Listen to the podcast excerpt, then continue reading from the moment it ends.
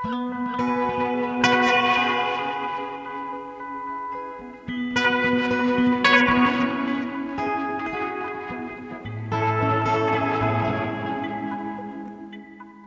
önd, antálika og hljóð ön.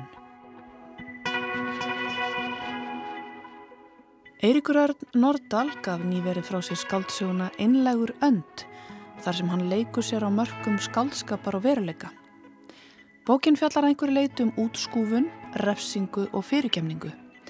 Þemu sem óættir að segja að brenni á samfélagin í dag. Eirikur Örn segir okkur frá þessu nýja verki í þættadagsins en þeir guðni hittust á Ingolstorki í morgun. Og úr miðbæ Reykjavíkur förum við í miðbæ Kópavóks. Unnur Andrea Einarstóttir opnar síningu í Galleri Midpunkt í Hamaraborg á föstudag. Unnur Andrea býr og starfar í Noregi en verk hennar fletta oftar en ekki saman myndböndum, innsetningum og gjörningum. Unnur skoðar meðal annars í verkum sínum hvernig stafræni samtíminn getur valdið því að einstaklingar aftengist raunsamfélagi og upplifi til dæmis félagslega einogrun. Við hittum Unni Andreu og Rafnildi Gissurardóttur, síningastjóra, í þætti dagsins. Við heyrum einnig af tónleikum sem framfara í Hafnarborg næstkomandi sunnudag, þar sem Elektra Ensemble fyrirflyttur þrjú ný tónverk sem saman hafa verið sérstaklega fyrir hópin. Tónleikarnir eru innan samtíma tónleikarraðar Hafnarborgar, Hljóð Ön, sem er sérstaklega tilenguð tónlist 20. og 21. aldar.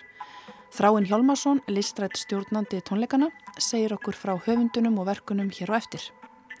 En við byrjum á Ingólstorki, þar sem að Guðni hitti Eirik Örd Nordal og það var ástæða fyrir fundarstafnum og Eirikur byrjaði á því að lesa úr nýri skaldsjóðsynni sem að heitir Einlegur önd.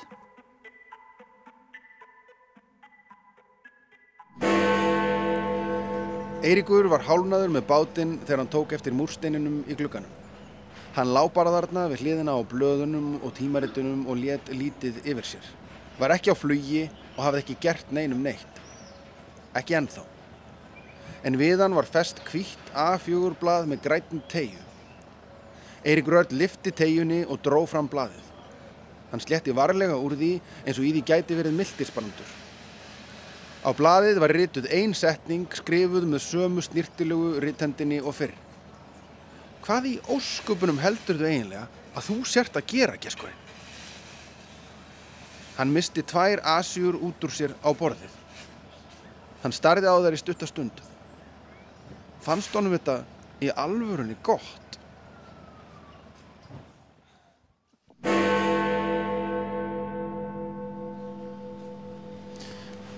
Eirikur Örn við sitjum hérna við hlöllabáta og það er kannski smá ástæða fyrir því af því að í einni senunni í nýri skaldsöðinni einlagur önd þá er sögupersonan sem heitir samanafn og þú að borða hérna halvan báta eitthvað hérna inni Já. og þá allt hérna liggur múrsteinn fyrir framann hann á borðinu. Já. og þetta er annar múrsteinnin sem kemur við sögu í, í þessari bók. Uh, hann er að fá dölafullar sendingar þessi maður sem að er þú en samt ekki þú? Segð okkur aðeins frá honum. Sko hann er hérna uh, ærunlaus reillistarkennari í Reykjavík. Hann hefur verið ærunlaus í nokkur ár eftir að hafa hérna gefið út bók og, sem var illa tekið og, og hægða sér eins og bestja í kjálfarið og hérna svo fær hann þetta verkefni að kenna reitlist fyrir norst stórfyrirtæki sem, að, sem sagt, hérna, hefur ekki hugmyndum að hann er ærulus. Hann færi þessa vinnu og, hérna, og hann eh, kemur um tinga til þess að hitta reitlistarnefnundur sína sem hann ætlar að senda út af örkinni að, og þeir eru, að sinna verkefnum hérna meðan hann er að geða sér á hlólabáttum. Þá kemur þessi sending sem að er eins konar hótun til hans. Hagaðir, haldir á línni. Já, þetta er annar, annar múrstinnin sem honum best og fyrir kemur inn um stofuglökan hjá honum og, hérna, og, og honum fylgir lengra bref sem að e, já, þess efnis hann skuli e, honum sé hotlast að segja upp þessari stöðu honum sé ekki hérna, treystandi til þess að vera í ábyrðar stöðu yfir fólki eins og hérna, reitlistar kennarar eru. Þannig að hérna, hann, hann hlýðir því ekki heldur hittir nefndur sín eigi eigin personu sem hann á að kenna er um netleðis hérna og, og, hérna, og meðan hann er að borða hlöllabótinn þá rekur hann í það er múrstinn á borðinu. Og á, við hann er, er bundin sagt, er þessi ön, önnur skilabúðum að, hérna, sem er nú bara hvað, hvað, í óskupunum heldur þú sérst að gera geskurinn Geskurinn, svona löglega tótun í því. En það að sviðsindi sjálfan sig svona ja, svakalega, þú ert bara persóna bókarinnar, nummer 1, 2 og 3 heiti bara þín nafni uh, eitthvað þekki maður, þú ert alltaf sannstanslust að vísa í þínar fyrri bækur og hvernig þeim hefur verið tekið, hvað viðbröð þær hafa fengið, þú nefnir að Ílska hefur fengið bókmyndavelun, íslensku bókmyndavelunin og þú nefnir síðan líka hans blæ og deilur í kringum þá bók Já. Hva, hvað gengur þið til að vera svona sjálfhverfur? Er þetta ekki sjálfhverfasta bók bara sem hefur gefin út á Íslandi lengi? Sko, jú, kannski, sko. Og, og, og samt einhvern veginn ekki. Það sló mig einhvern tíman að hérna, uh, sennilega einhverju svona svipuðu viðtalið hérna, þegar maður er að hérna, grubla eitthvað í hugsunum sínum og maður áttar sig á því, ég áttaði mig á því einhvern tíman að hversu mikið er af mér í mikið á sögupersonunum mínum og hérna, og hef, hefur alltaf verið einhvern veginn.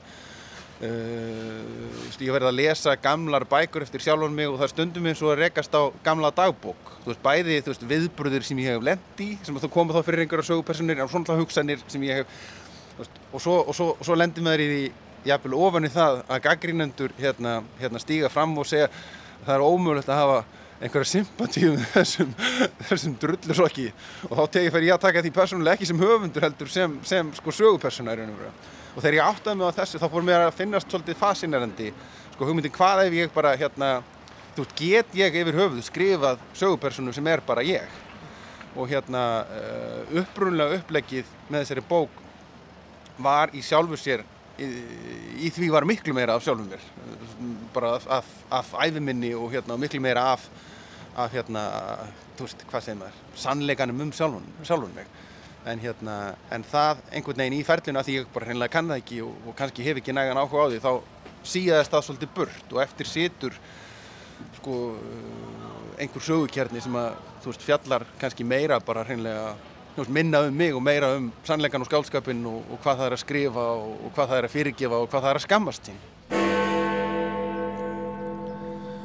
Stærsti löstur Eiríks Arnar í lífinu hvort sem að viðkom ástum, bókmyndum eða kennslu var að hugsa hlutina aldrei alveg til enda. Hann gerði stór plön og setti allskins hluti á reyfingu en vissi svo ekkert hvernig hann ætti að fylgja þeim eftir. Og satt auðvitað samt uppi með afleðingarnar. Það að skammast sín, eða sagt, og ég vil kunna ekki að skammast sín, eh, er mjög svona stór stór þáttur í þessari bók og þetta með, þú varst nú bara dregin bara sjónvarsáhörundu sánum bara viðtal við núni í, í hérna kveik, þar sem að þú varst komin inn í umræðu um já, það sem er stundum kallað gerenda meðvirkni og það sem er mikið tekist á um í dag eh, hverjum er trúað og hverjum er treyst og, og hverjir eiga sér rödd og hverjum er ítt til hliðar út af erfiðum málum í samfélaginu. Sko það leiður fram daldi líka í annari sögu inn í bókinni.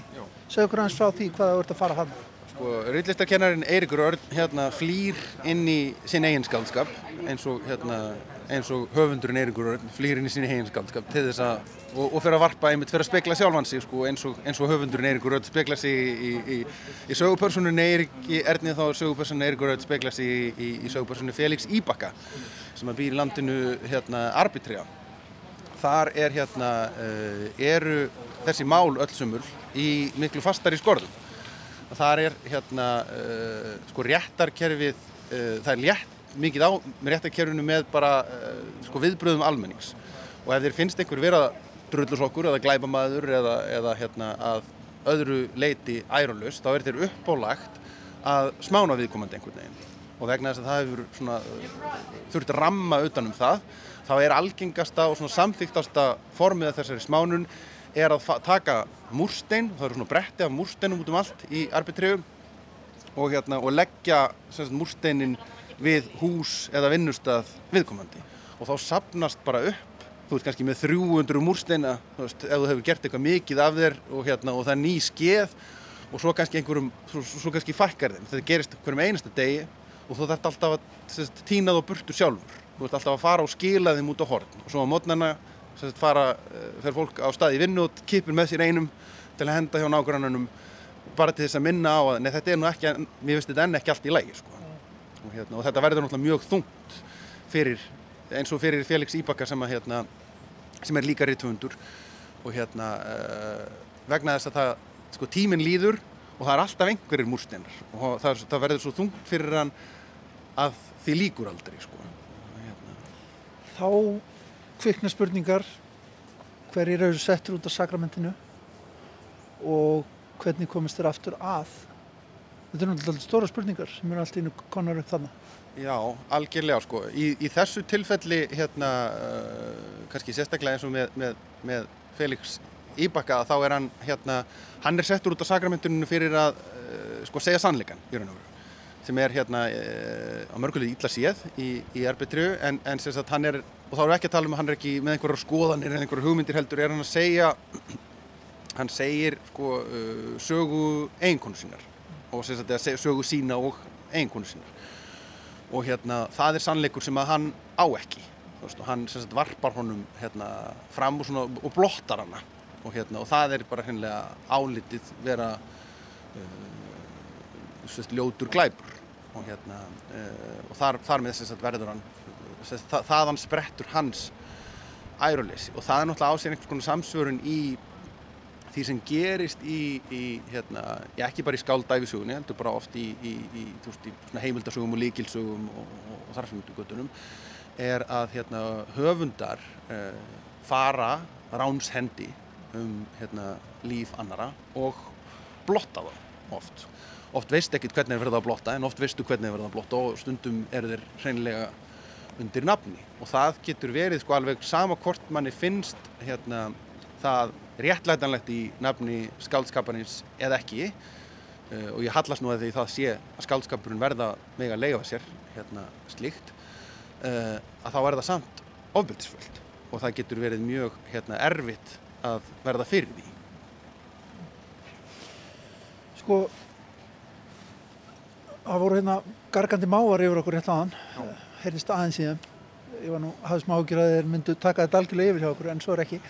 En sko þú hefur verið mjög virkur á internetinu þar sem þessi umræða auðvitað um mjög erfið mál kynferðismál afbrótamál og slíkt geysar mm -hmm. það að taka þátt í umræðinni hvernig svona erum við eitthvað að þróast, erum við eitthvað að þroskast eða er þetta alltaf sami helviti sangkassin? Ég held að þetta sé bara því miður, þá sé þetta nú alltaf sami helvitis sandkassin að það hérna, hérna að í dag til dæmis eftir, eftir kveikstáttinn að þá verðum maður svo áþreifalega var við það að, hérna, að það er eins og eh, Íslendingar hafa verið að horfa á sikk og táttinn og, hérna, og algjörlega annar, annar helmingurinn vil meina að þetta sé hérna, ef ekki verið neitt nema hérna, góða fólkið að tróða að sínum hérna, fordómafullu hérna, fordæmingum og hinn hérna, helmingurinn vil meina að þetta hafi verið sko, gróf árás á þólendur og allt sem er gott og fallet í heiminum.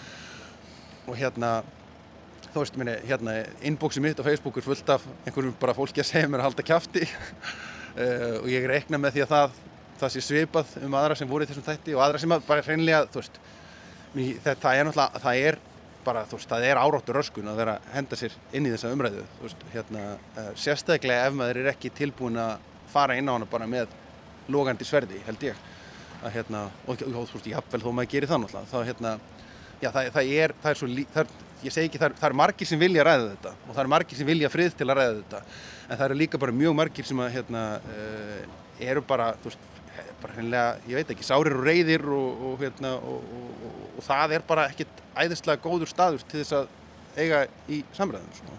Og ekki tilbúinir í að gefa neitt frið til þess að ræða þetta og það gildir um eiginlega báðar og allar, já, hvað maður segja, sín, alla sína á þetta. Já. fólk er svo snögt upp á nefnsér fólk er rosalega snögt og það er líka sko, það er hreinlega bara sagt, sko, afleiðing af nútímanum og þú, sagt, þú getur þú, þú, þú færð allt í einu allt kaffistofu hjalið beint til því þú veist, ég minn í hvert einasta skipti sem að hérna, sem að einhver hallmælir mér þá bara pingar síminn og segir bara ping, ping, er ykkur þar einhver segður sitt fýbla á internetinu? Og hérna, og það er náttúrulega hérna, veist, það er allt annað heldur en sko veruleikin fyrir 20 árum síðan þegar fólk var bara eitthvað, þú veist, djöfusins fíbl var þetta hérna í sjónvarpinu gær. Að hérna uh, þú veist, og, og meira áreiti fyrir þá sem að sem sagt, taka þátt í, sem verður þá líka til þess að einhvern veginn, það er allir svolítið svona, svona ráir sko, ske, sko skellja lausir sem að hérna fara inn í þetta og fólk verður mjög fljótt þreytt bara og, hérna, og vill ekki vera með og náttúrulega ennþá fleiri sem að sem að bara tala aldrei upphátt vegna þess að það er svo óþægilegt að, hérna, og það er ekkert endilega með það að gera skoðanir þeirri sé á einn veginn eða hinn eða, eða, hérna, eða þannig, það er, bara, sagt, það er bara óþægilegt að vera inn í samræðinni Hvernig lítur þú á þessa bók þína sem innleg í þetta? Sko, hún er það náttúrulega að einhverju leiti en hérna hún er samt sko kannski ágætt að leggja áherslu á það og hún fjallar sko uh, kannski meira um þetta, sagt, sko, þetta ástand uh, sko, þetta paranóiða ástand að vera að finnast maður eigi kannski að skamast sín en vera ekki alveg vissum hvort maður hérna, sé sammólað í e, eða vissum að maður skammist sín eða, hérna, eða vissum að allir hati mann eða hérna eða sem sagt hérna uh, eða, eða ekki sko. Eða bara öllum sé bara kannski bara alveg skýt sama um mann einhvern veginn, þetta sé einhvern veginn veist, það, það er svo skrítið ástand þegar þú ert sko uh, þegar fólk upplifir sig æralust og nú hef ég ekki gert það. Svonst, með, þó þrátt fyrir stormana í kringum hérna, hansblæð sem voru, voru nú ekki æðislega stórir að þá hef ég aldrei upplifað með á þeim staðin ég tekja alveg fólk sem hefur gert það.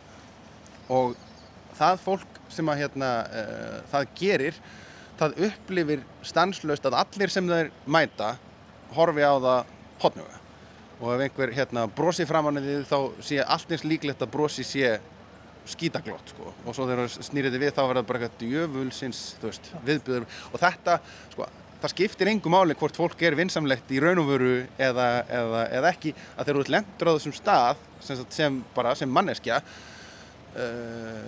alveg sama þú veist segur, saglus, það skiptir engum máli. Eða þú veist starriðin af glæpum skiptir heldur engum máli. Eða þú lendur á þessum stað andlega sjálfur þá ert alveg svolítið fókt í svolítið langan tíma sko. Það er alveg svolítið mikið mikil vinna að komast út úr því að hérna, þú veist aldrei sko eins og sem hérna, er náttúrulega kannski mjög ábyrgandi í bókinu, þú veist aldrei hvenar þú ert að horfast í augu við sjálfan þig og hvenar þú ert bara að stara á henni hildibið á naflanum á sjálfum þér einhvern veginn, þú veist, hvenar ertu, hvenar ertu að reyna að takast á þig sjálfum og hvenar ertu bara sjálfhverfum, sko.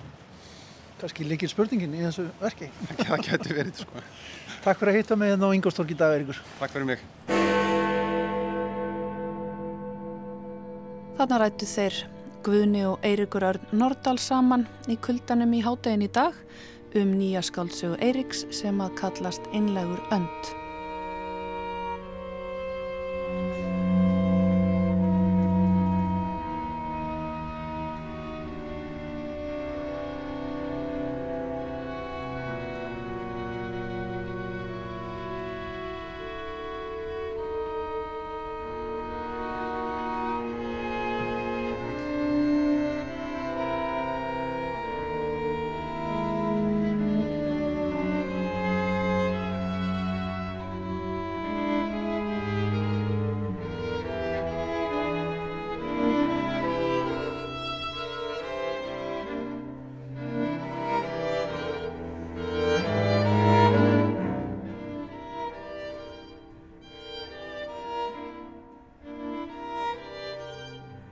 Næstkomandi sunnudag, þann 20. á 1. november, fara fram tónleikar Elektra Ensembla í Hafnarborg.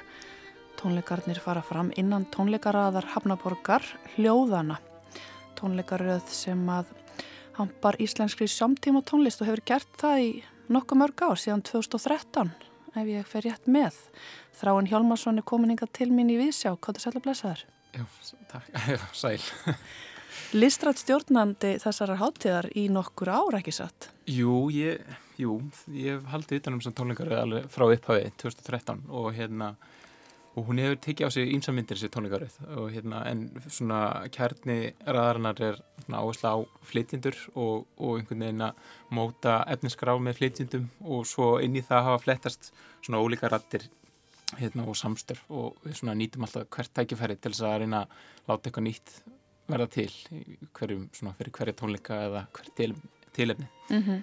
og hérna og svona í gegnum áren hefur þessi röð tekið á sig daldur svona tekið þessa útutúra að einhverju leiti um, í fyrra og hitti fyrra þá tók hún á sig fórum síninga þannig að hún tók yfir al, al safnarími Hafnaborgar í 2019 þá var það í rauninni myndlistasýning sem að fjallaði þetta alltaf um svona efniskend tónlistar að einhverju leiti og svo í fyrra þá var hérna David Brynja Fransson uh, með síningu í Sverisal sem er hérna minna minni, minna safnaríni Hafnaborgar og þannig að þessi svona tónleikaru hefur tekið á sig ólík form og, og, Mhm. og, hérna, og það er svona fjölbreytileikin sem að er alltaf, er alltaf hampað. En kjarnin í henni er að kynna íslenska samtíma tónlist Jú, bara svona samtíma tónlist yfir höfuð og hljóðfara leikara. Já, að hérna svona reyna að spekla líka hérna, já, kynna hljóðfærarleikarina og, og fá þá í eitthvað svona samtal um listrænt samtal.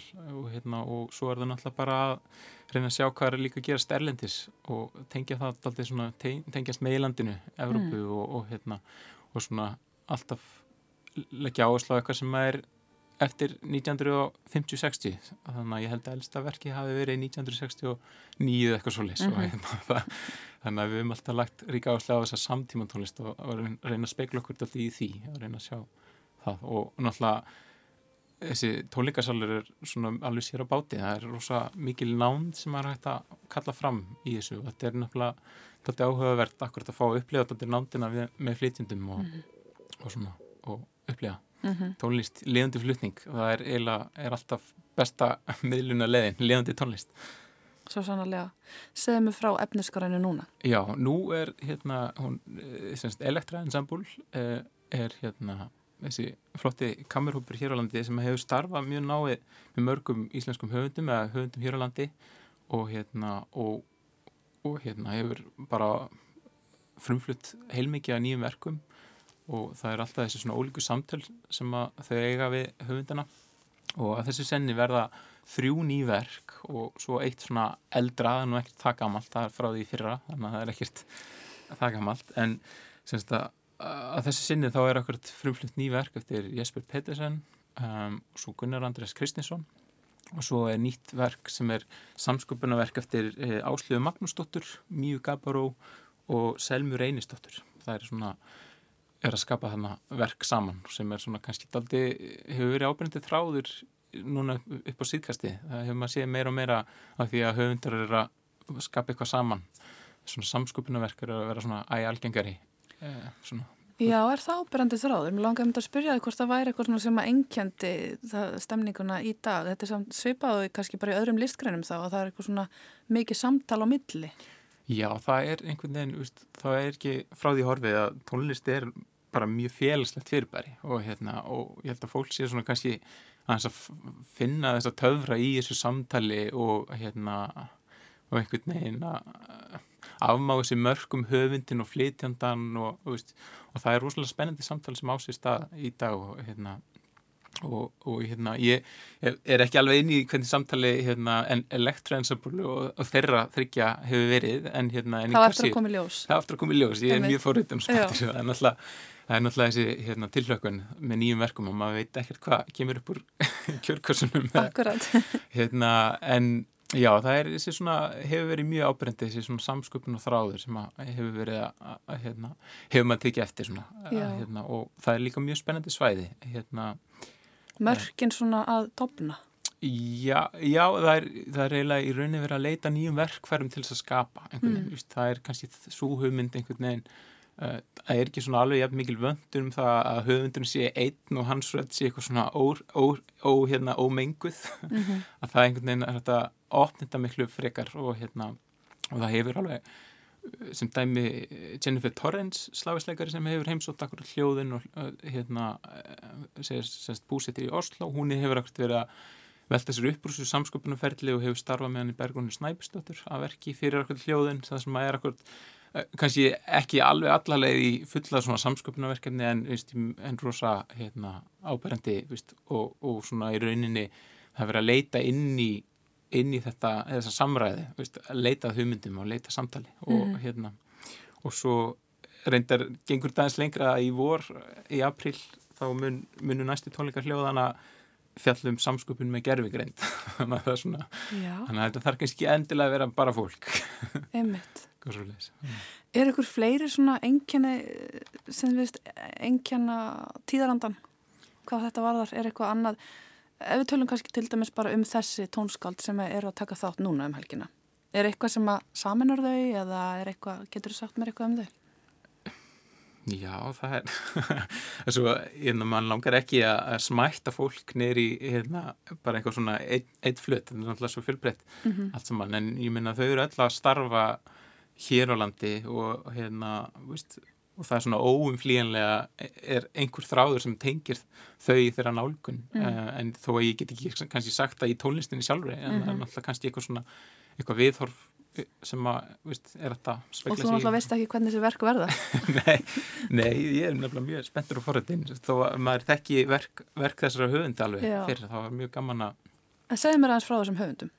já, er hérna, Jesper Pettersen er hérna, hann hefur, hefur búsettir hérna í lengri tíma og bara hérna, býr að starfa hér hann er með verk sem að uh, hann er að vinna með hljóðrættanir frá Færiðum uh, bílaumhverfisljóð og eitthvað svo leys og, og, og er nota það sem svona uppistöðu þar sem hann er eiginlega að nýta sér þann svona umhverfisflöt. Þannig að hér verður kannski svona meira einhvern veginn umhverfislustun í fyrirrumi eitthvað, hérna, ekki beint tónar og hljómar eða þess, þess líkt. Og það kannski er alveg þá hinnu róinu með hann Gunnar Andriða sem er rosalega hérna, mikill svona byggingar, veist, það býr til tónana, tónarnir eru bara svona næstu eins og legokupar fyrir honum. Hann finnst svo gaman að móta úr þessu og hérna að skapa einhver ferli úr tónum. Þannig að það er akkurat kannski gjör ólíkar hlustanir bara í þessum tveimur höfundum. Og hérna og svo er Ásle Magnúsdóttir og Mía Gabarú og Selma Ninsdóttir, þær eru með þetta svona samskupinu verk eh, ég svona þekki aðla verkinu hennan Áslegar en þar hefur akkurat verið svona mikil mikið verið að skoða tónlistaflutningin sjálfa og að reyna að hérna, nýta sér í rauninni nánd flytjandana veist, hvernig það hefur áhrif á mann í upplifun og, og allt innu fer það að hafa rödda hvernig einhver hefur sig eða, eða veist, þannig að allt innu fer það að leika stóran þátt í upplifun tónlistarinnar og kannski þessu leikræna þannig að við erum ekki að tala um það. Það er þá hlustun og kannski þá akkur þessi svona mennska upplifun að bara einhvern veginn handarhefingum eða hendingum bara líkamlegum hendingum getur við sagt. Og svo hún Sóli Stefansdóttir hún er hérna kannski alltaf, alltaf að nefna það, hún er hafnafyrði og á þessar ræturinn í hafnafyrðinum eh, hún er hefur, er núna held ég á tónleikaferðarlagi bara um Evrópu og kynna nýjustu breyðskjuna sína en hún hefur á síðustu missurum verið akkurat að semja meira fyrir hljóðfærahópa en annars hefur hún oft verið bara að flytja sína eigin tónlist sjálf og með sínum með sinni hljómsitt en hérna er akkurat í þessu samstarfi og þetta verk sem að er þá hérna elsta verkið á tónleikunum frá því bara fyrir árið síðan Eldgamalt. Eldgamalt, frumflutt á tónlistarhátti Rásreit fyrir árið síðan Akkurat. af hópnum Elektru Ílsviti. Ílsviti, já Það er vona á mjög fjölbreyttum tónleikum. Já, þetta er Heyrist mér. það er, já, þetta verður svona salonsýninga einhver leiti, en, en það er, ég held akkur þetta einhvern veginn bara elektróhópurinn, hann hefur svo skýrt svona höfundarenginni hópurinn sjálfur, þannig að ég, ég, þetta mun daldið hanga á þeirri orku saman að einhverju leiti, en svo er líka, er svo frábært að vera með hann að fjölbreytti leikara, leika, þú veist, að þá eru hlutirnir aðskildir sín á milli og þá fá þetta að njóta sín ef, að, ef allt er í sömu litapalettinu þá einhvern veginn hverfur allt saman og, og hérna, þannig að það er svona kannski bara styrkleiki, þessi fjölbreytileiki það er alltaf þannig Örglega Þráin Hjálmarsson, listrætt stjórnandi hljóðana. Takk innilega fyrir að koma til okkar og segja okkur á þessum tónleikum og við bara bendum hlustundum á það. Þeir eru á sunnudaginn klukkan, eh, er ekki sunnudagskvöldið? Sundagskvöld klukkan 8, Já. takk fyrir mig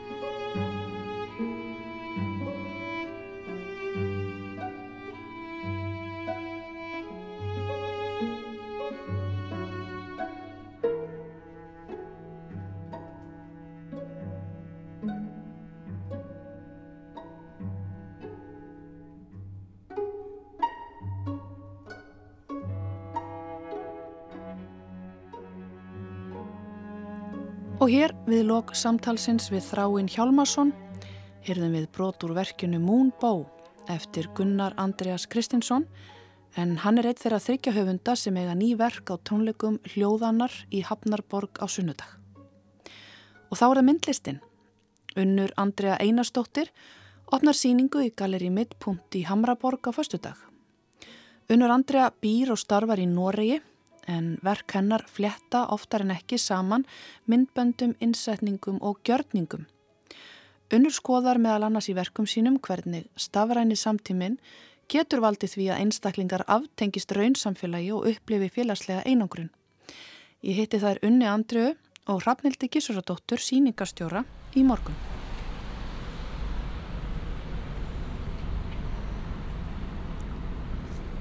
Við erum stattar hérna þrjár saman í Hamraborginni. Sólinn er ekki ennþá komin upp og það er frekar kallt úti. Við ætlum að spjalla saman við Unnur Andrea og Hrafnildur í Galeri Midpunkt. Við ætlum nú að byrja dæna á því að fá okkur kaffi en það er ekki en kaffi vel þar. Þannig að við erum hér á röldinu að leta okkar kaffi. Er þetta ekki hressandi stelpur? Ótrúlega hressandi, ég elska Kópavók. Já, en þú Hrafnildur? Jú, þetta er mjög skemmtilegt. Það er svo fjölbreytt hérna, hérna atvinnustarfsemi, vistu hvað ekki? Hvað segir þú, aðdurnistarfsemi? Já, það er svo fjölbreytti staðir. Mjög, antíkbúðin, krónan, það er allt sem fer þar hér. Já. Virk samkeppni. Það lítur að vera kaffúsinn einhvers þar. Já, ég sá kaffúsina bakar hérna rétt við hliðina og te og kaffi hérna líka handa við hodni. Þannig að ég held að þetta reddist alveg. Þetta reddast. Alibaba, Black Cross, fastegnarsala Kópavás, Rauðar rósir. Rauðar Rósir og Reynir bakari. Já. Ekki bara ná okkur í uppáhallingu hér. Jú, endilega.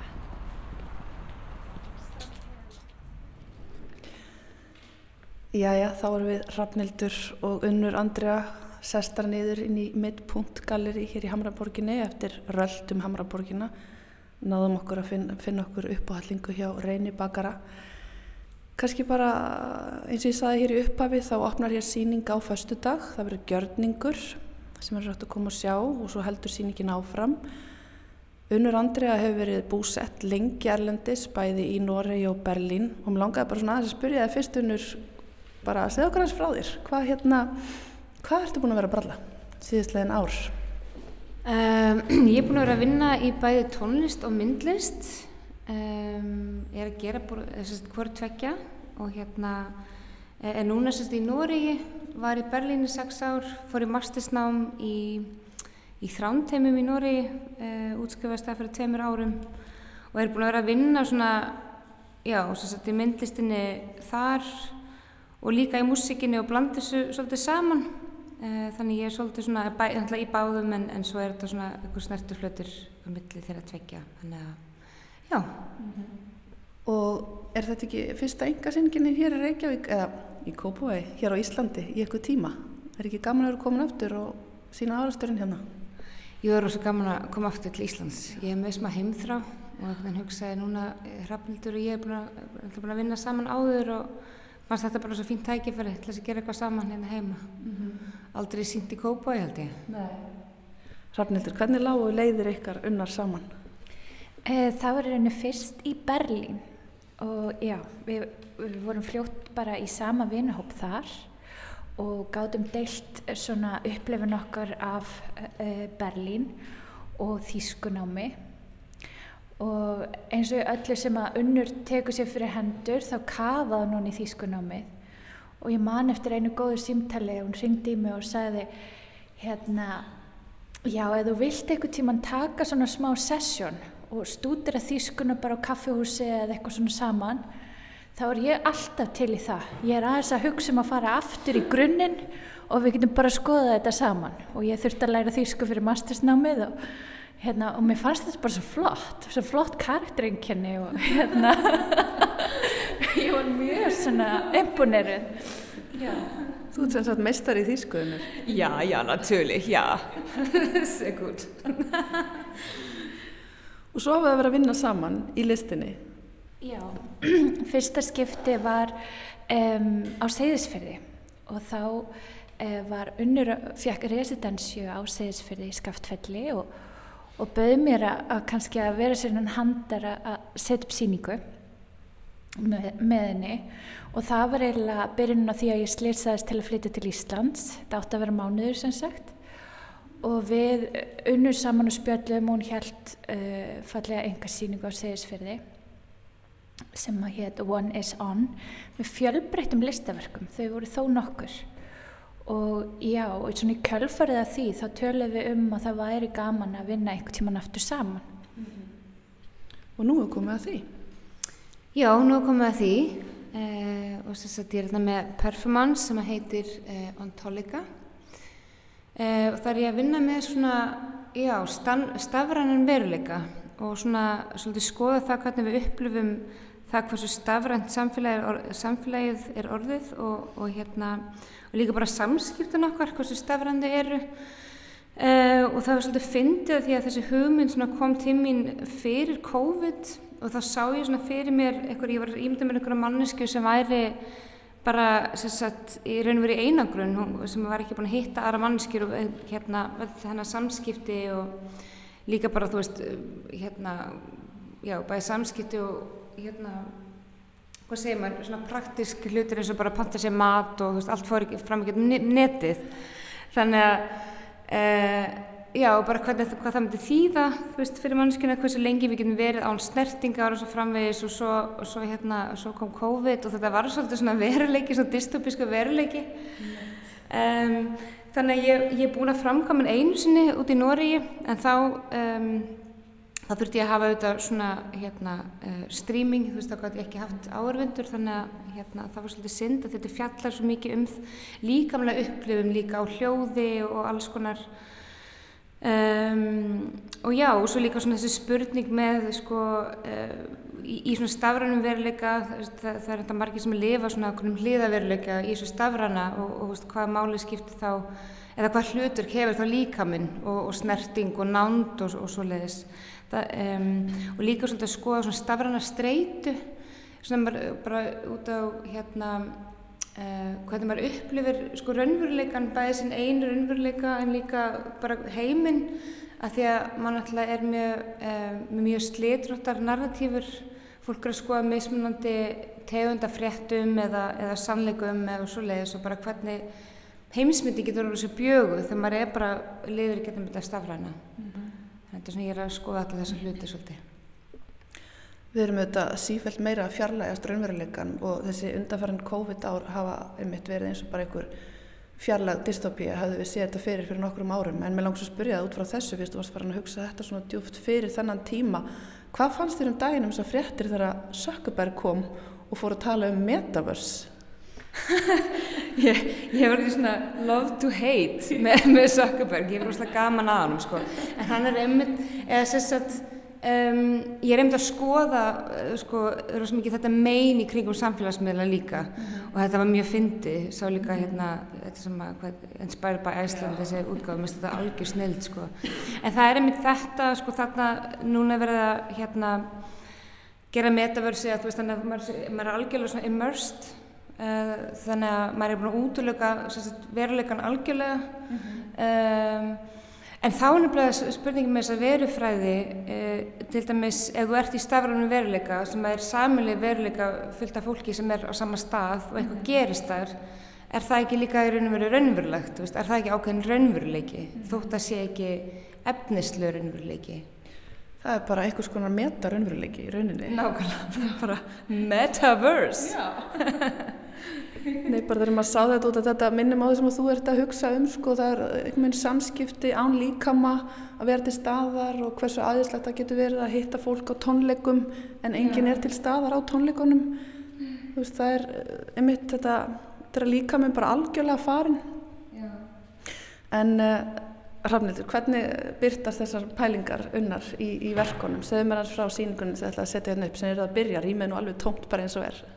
Já, verkin hennar unnar eru alltaf svona mikil upplifin ekki segja og þetta sérstaklega mikið og lýsir svona hæbrið raunveruleika eða svona milli og karakterin sem að unnur er búin að hugsa sér um, einmitt e, saknar og, og hugsa til líkamlega snertingar og, og það púslast inn í, í gjörningin á mjög áhugaverðan hátt.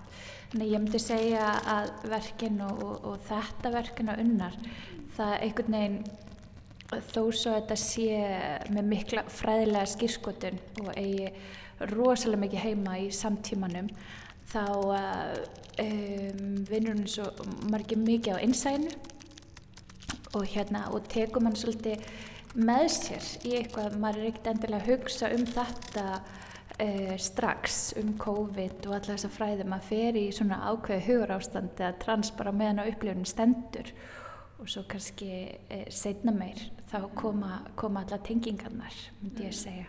Mm. Þannig að þú ert kannski að vinna með nándina bara til staðar, þetta gerist í rauntíma auðvitað, þannig að já, já. nándin er til staðar í gjörningnum. Já, algjörlega uh, og þessi líkamlega uppgafun, upplifin uh, af hljóði og snertingu og svona. Mm -hmm. Þannig að mjög mikið og það áverðurinn séu þarna mm -hmm. til þess að upplifa nákvæmlega þetta. Það hefur verið sérstakta framkvæmenda í, í Norri án áhörvenda sérstakta. Já, það var svolítið antiklæmaks.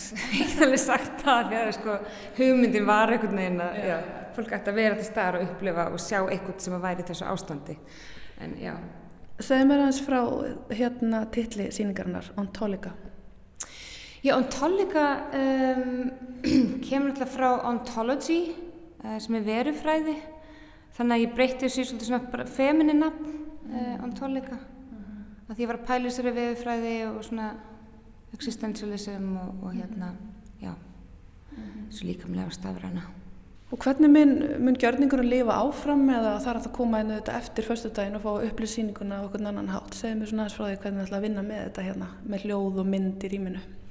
Já, það verða, verður vídeoverk líka og uh, sem að unnur hefur uh, unnið áður og hljóð í rýminu.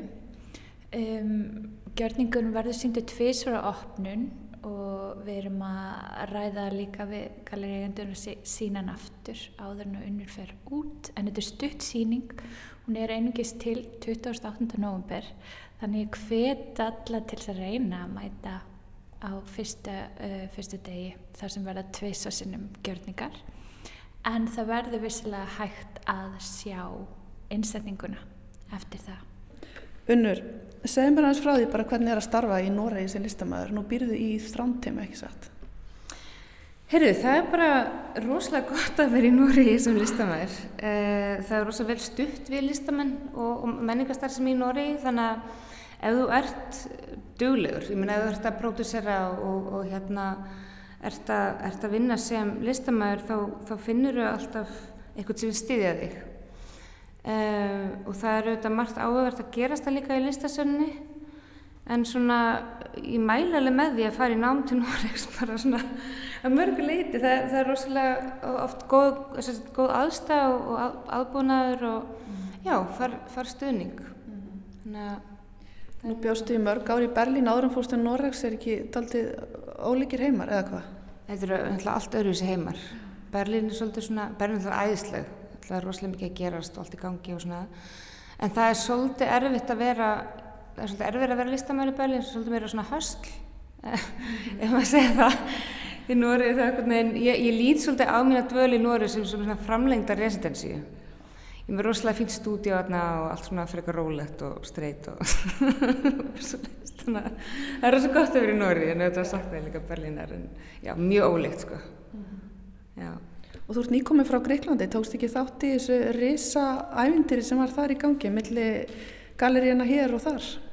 Já, uh, ég og Francesca, uh, vinkunum mín frá Berlín, við erum með sagt, svona show, það maður kallaði það, sagt, ég er að gera tónlist og hún er að dansa, hún er súlidansmær.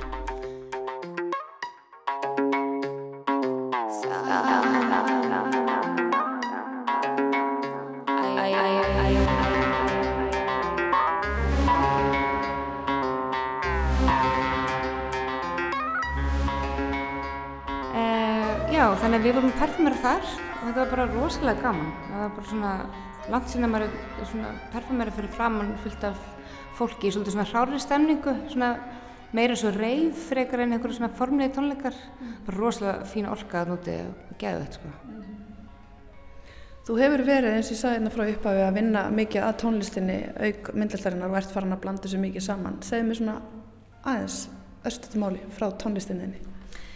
Sko, ég er að gera mest í rauninni ráftónlist og þetta er svolítið svona tilrunarkent pop, tilrunarkent ráfpop uh, en mjög mismunandi. Ég er alltaf einhvern veginn, einn daginn er bara nei, ég vil okkar bara gera eitthvað döðrokk og svo næsta dag það er að gera eitthvað tekno og ég gera eitthvað ballu þannig að, og síðan þú setjum á tíma þá, er eitthvað svona kannski einhver lögur sem passa saman í eitthvað ákveð koncept og svona.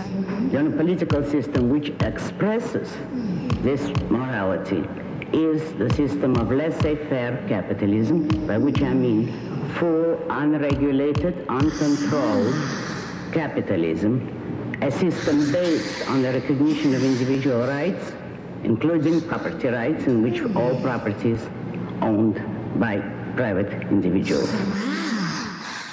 Ég er með sagt, um, sagt, listamannanafnið Apex Anima Uh, og er með plötu núna sem að á að vera lengur komin út sem að hérna já, sem að það bara to be continued en, en hérna já, þannig ég er bara sem, tónlistamæður með Apex Anima og svo er ég myndlistamæður og svo blanda þessu stundum saman en það er samt sér eitthvað hluturinn mm -hmm. Mm -hmm.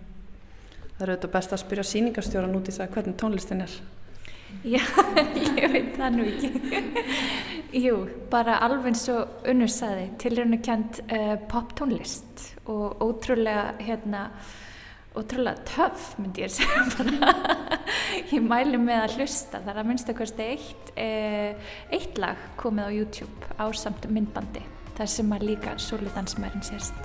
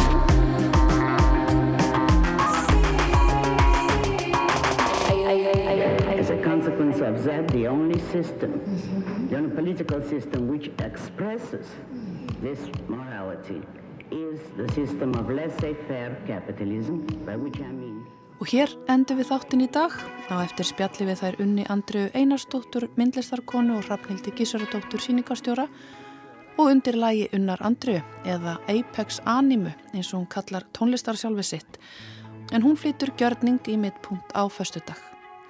Takk fyrir að hlusta og verið sæl.